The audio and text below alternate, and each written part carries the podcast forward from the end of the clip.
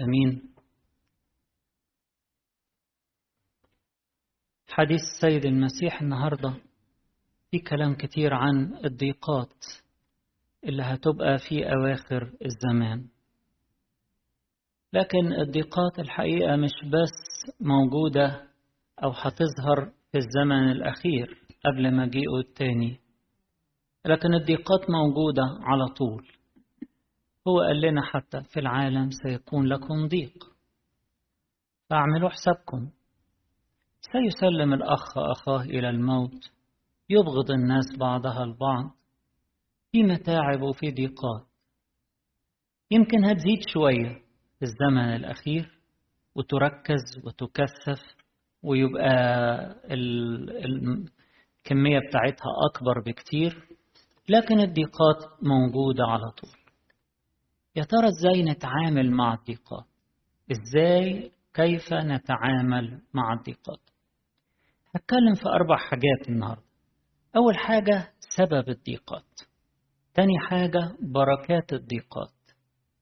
تالت حاجة بعض أنواع من الضيقات اللي ممكن تواجهنا عشان نبقى واعيين ليها. وآخر حاجة كيف نتغلب على الضيقات؟ أول حاجة سبب الضيقات. ربنا خلق العالم حلو جدا جميل ورأى كل شيء أنه حسن.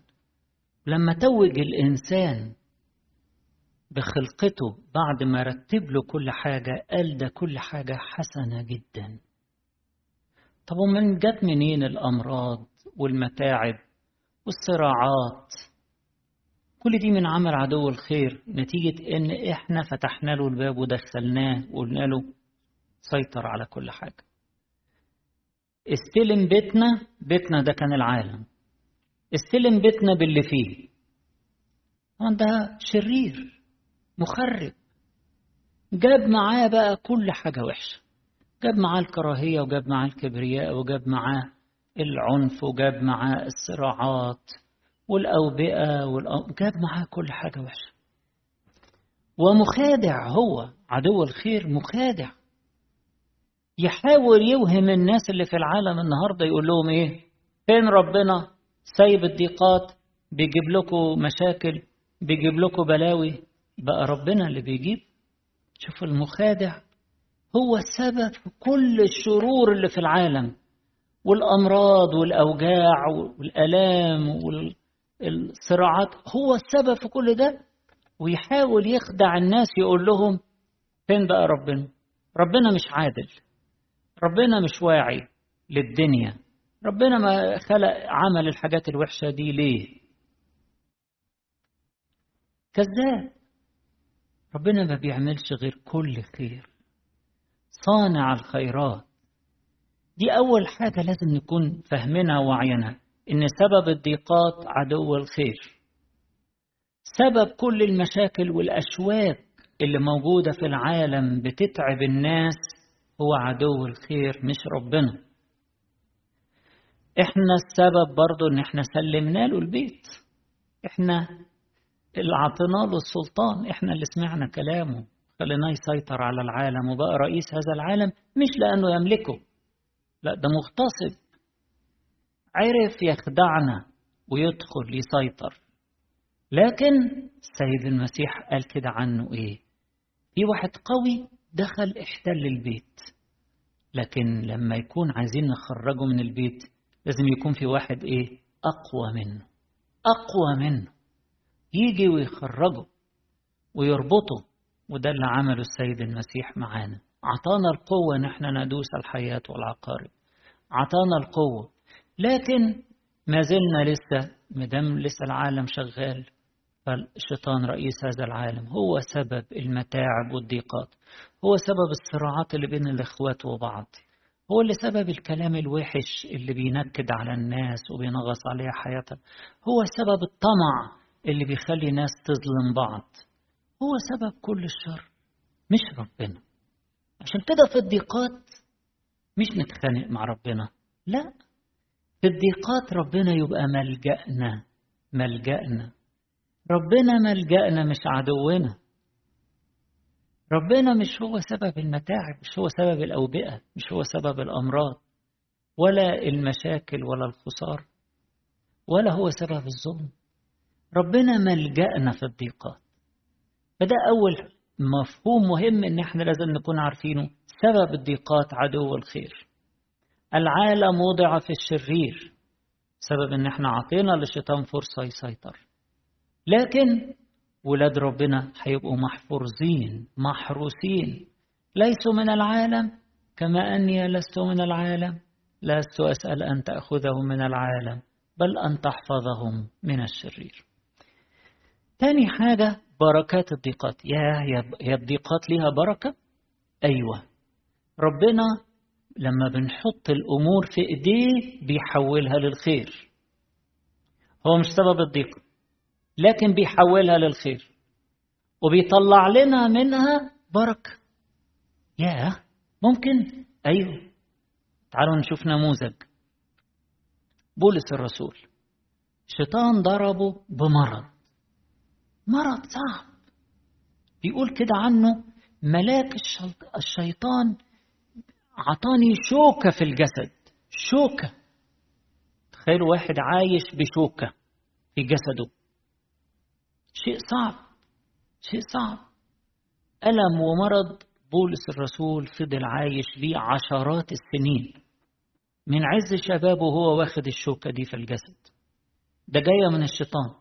لكن ربنا استخدمها للخير. ولما بولس صلى وهو مش واخد باله يعني صلى إنه ربنا يرفع عنه المرض ده ويشفيه. بولس كان بيشفي الناس. كانت المناديل والعصائب بتاعته بياخدوها تخرج الأرواح الشريرة وتشفي الناس. فصلى من أجل المرض ده. ربنا قال له لا. لئلا ترتفع بفرط الإعلانات. خلي الشوكة موجودة علشان تفيدك تعمل لك توازن وتحس دايما إنك ضعيف. وأنا قوتي في الضعف تكمل. تكفيك نعمتي. يا في واحد عنده الشوكة ضعف في الجسد. في عنده واحد عنده الشوكة فقر في المادي. في واحد عنده الشوكة ظلم جاي له من بره. ناس بتظلمه أو ناس بتتهمه اتهامات باطلة. واحد عنده الشوكة حد من أسرته بيعامله وحش جدا. حد عنده شوكة بأي شكل. كل ده مش شيطان اتفقنا؟ خلاص. أسباب الضيقات كل سبب الضيقة كله جاي من الشيطان. لكن الضيقة ممكن يخرج منها بركة لينا. تدينا اتضاع تزود إيماننا. تخلينا نصرخ لربنا أكتر. تخلينا نصلي أكتر بحرارة. بدل ما الصلاة تبقى كالفتة كده بنأدي واجب. تخلينا نثبت في ربنا وإيماننا يزيد. تخلينا نتكل على ربنا. ونقول له نعمتك هي الكل في الكل يا رب. لا مواهبي ولا شطارتي ولا خبراتي ولا مجهودي. أنا هعمل كل اللي عندي. أيوة بس هي نعمتك اللي تسند كل ده. هي البركة كلها تيجي من عندك. فالضيقة فرصة. فيها بركة. فرصة. فرصة أن الإنسان إيه؟ يتعلم. فرصة أن الإنسان يتضع. فرصة أن الإنسان يختبر نعمة ربنا في حياته. دي تاني حاجة. الضيقات ممكن تكون بركة بس لازم نقبلها بشكر. نقبلها بشكر. نقول نشكرك يا رب في كل الأحوال في كل الأحوال. يا سلام الشكر ده يخلي الواحد فرحان. كل الظروف. الشكر مفتاح الفرح. الشكر مفتاح الفرح. لسه بكلم حد عندهم يعني حالة مرضية صعبة وقاسية جدا. أول حاجة اتقالت لي إحنا بنشكر ربنا إحنا بنشكر ربنا نشكر ربنا على كل حال. نشكر ربنا مش متذمرين بنشكر ربنا. تكن مشيئته. بدم بيسمح بالشوكة شوكة جاية من الشيطان لكن هو سامح بيها. تبقى للخير. تبقى من أجل تنقيتنا من أجل توبتنا من أجل استعدادنا. الحلو للسماء لأن الأرض هتروح إحنا ملناش أمل في الأرض ملناش رجاء في هذه الأرض. وخدنا سبب الضيقات وعرفنا جاي منين وعرفنا البركات اللي ممكن ناخدها من الضيقات. أنواع بقى من الضيقات عشان نبقى واعيين ليها. كتير بقى إيه في كلام السيد المسيح النهاردة وفي كلام القراءات الجميلة بتاعت النهاردة. بتورينا أنواع غريبة من الضيقات. ممكن الناس تبغض بعضها. كراهية. نتيجة حسد يقعدوا يقارنوا يقول لك فلان ده ياخد ليه وأنا ما اخدش حسد كراهية وتتحول بقى لتحريض على الآخرين واتهامات باطلة وظلم وممكن توصل اضطهادات. لو واحد في إيده بقى إنه يضطهد في إيده سلطان شوية اضطهادات. ممكن الضيقات تكون بالشكل ده. ممكن الضيقات تكون كذب وتضليل. تعاليم كاذبة. ناس تيجي تلبس ثوب التعليم وهي ذئاب خاطفة. لا تشفق على الرعية. مش بتجمع مع المسيح لحساب المسيح. بتجمع لحساب ذاتها واسمها عشان تعمل تابعين وتعمل جبهات وتعمل تحزبات. دي تعاليم خاضعة مضللة. وشفنا كلام السيد المسيح النهاردة بيتكلم على الأنبياء الكذبة وشفناه بيتكلم على اللي هيجي في آخر الأيام اللي هو ضد المسيح أو المسيح الكذاب. هيجيب آيات وعجائب كاذبة آيات مبهرة وعجائب علشان يسحب الناس وراه يسحب المؤمنين وراه. فده نوع من الضيق ويضيق عليهم لازم يمشوا وراه بالعافية.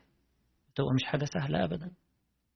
ثالث نوع من الضيقات ممكن يكون استهزاء بكلام ربنا واحتقار. إيه اللي أنتوا بتؤمنوا بيه ده؟ بقى في يوم دينونة فين ده؟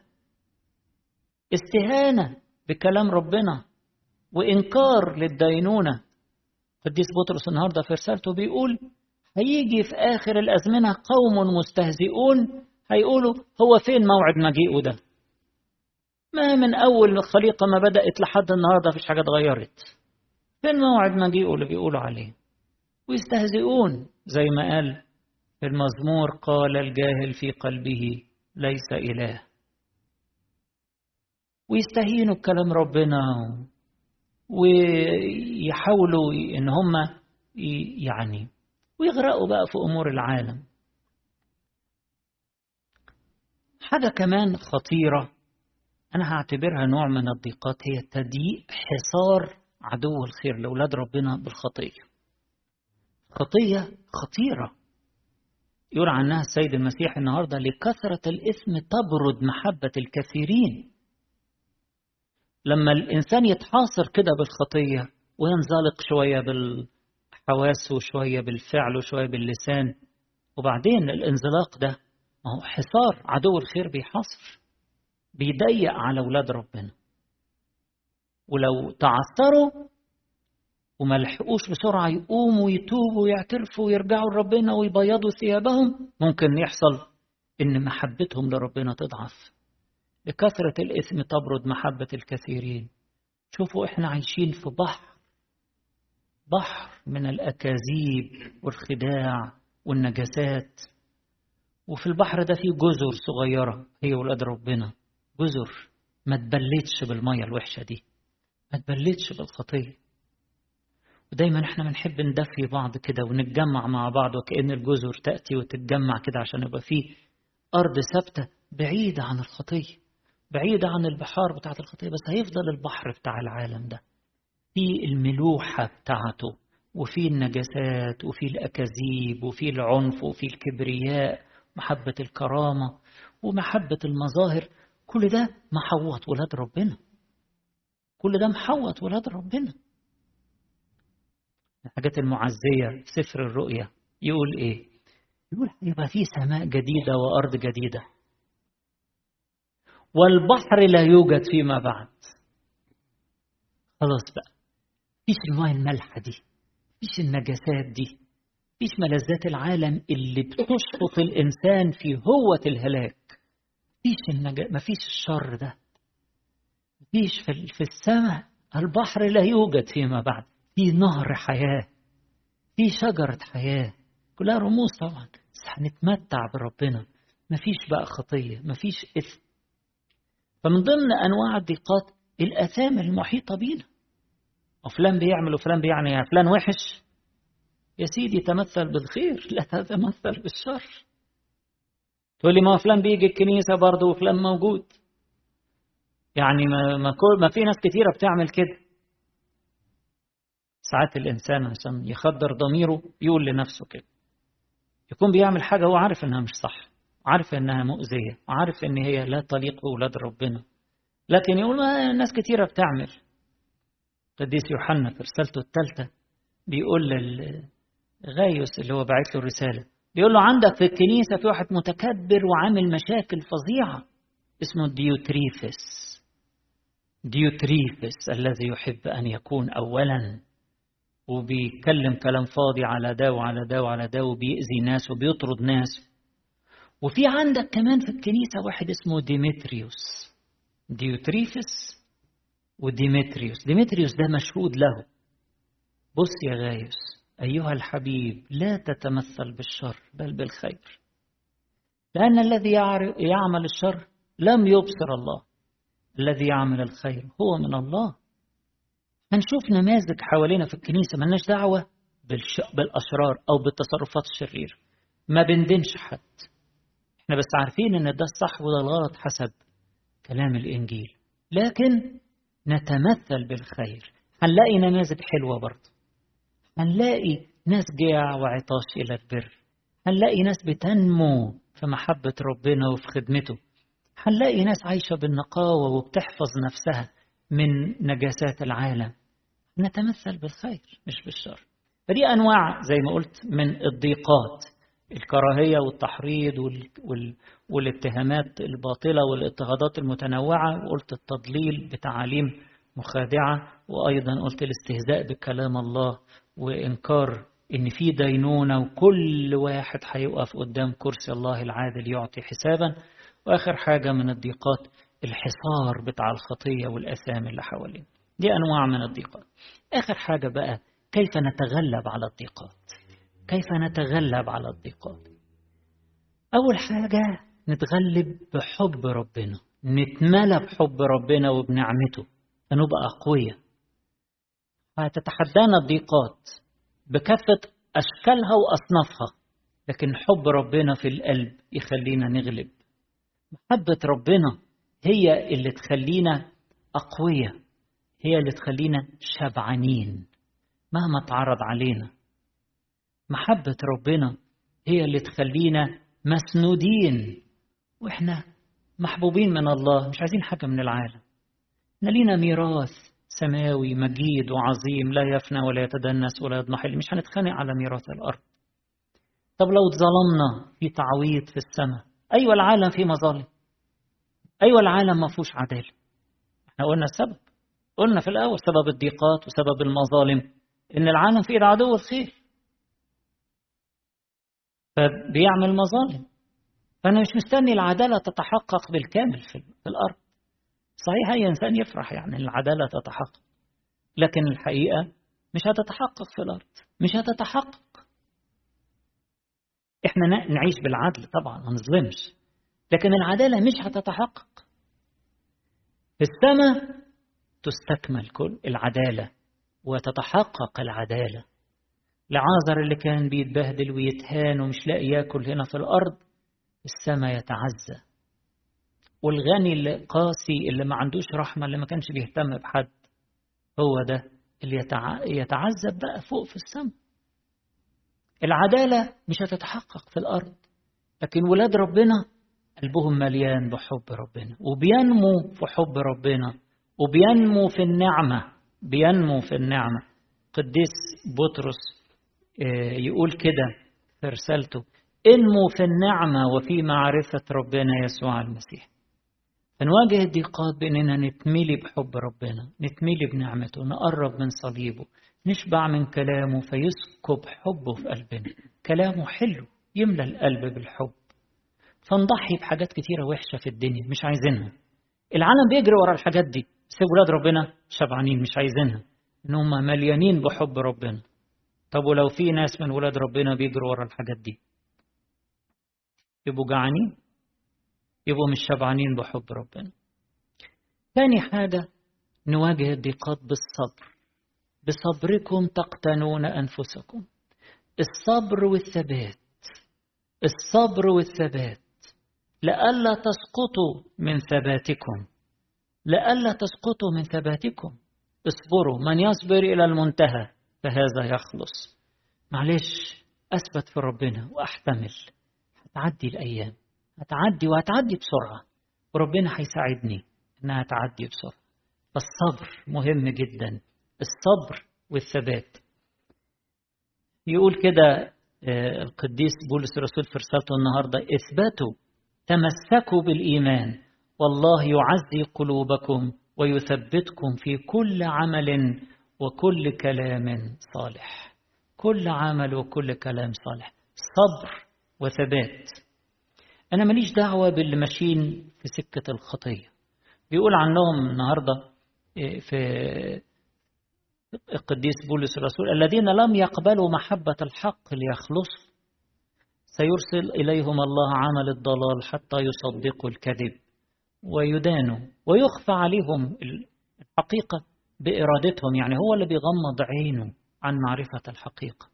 لكن ولاد ربنا ثابتين فيه شبعانين بحبه ومن خلال حبه هم شايفينه.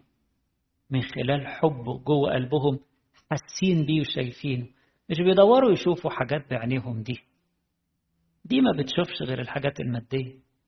لكن عايز يشوف ربنا بيشوفه لما بيشبع بمحبته. ربنا يدينا كده إن إحنا زي ما هو بيرعانا حتى في وسط الضيقات هو حمينا. وبيتأنى حتى على الأشرار لكي يتوبوا يتأنى. ده القديس بطرس قاله على الناس اللي هم بينكروا الدينونة وبيقولوا ما فيش إله وبيقولوا أين هو موعد مجيئه. يقول كده القديس بطرس بيقول هو لا يشاء أن يهلك أحد بل يريد أن يقبل الجميع إلى التوبة. ده عطيهم بس فرصة. نصلي من أجلهم ونصبر ونثبت. وقلبنا يتملي بمحبة ربنا فنواجه الضيقات ونتغلب على الضيقات. نرتفع فوق الضيقات. محبة ربنا ترفعنا. كلنا تحت الضيق. كلنا تحت الضعف. لكن محبة ربنا هترفعنا. عرفنا النهاردة كيف نتعامل مع الضيقات. عرفنا سبب الضيقات. عرفنا بركات الضيقات. وإزاي ننالها؟ بالشكر وبالقبول وبتسليم حياة ربنا. خدنا أنواع من الضيقات وأخيرا عرفنا كيف نتغلب على الضيقات بالامتلاء بحب ربنا وبنعمته وبالصبر وبالثبات في المسيح والنمو في نعمته ومحبته ومعرفته. له كل المجد والكرامة إلى الأبد. أمين.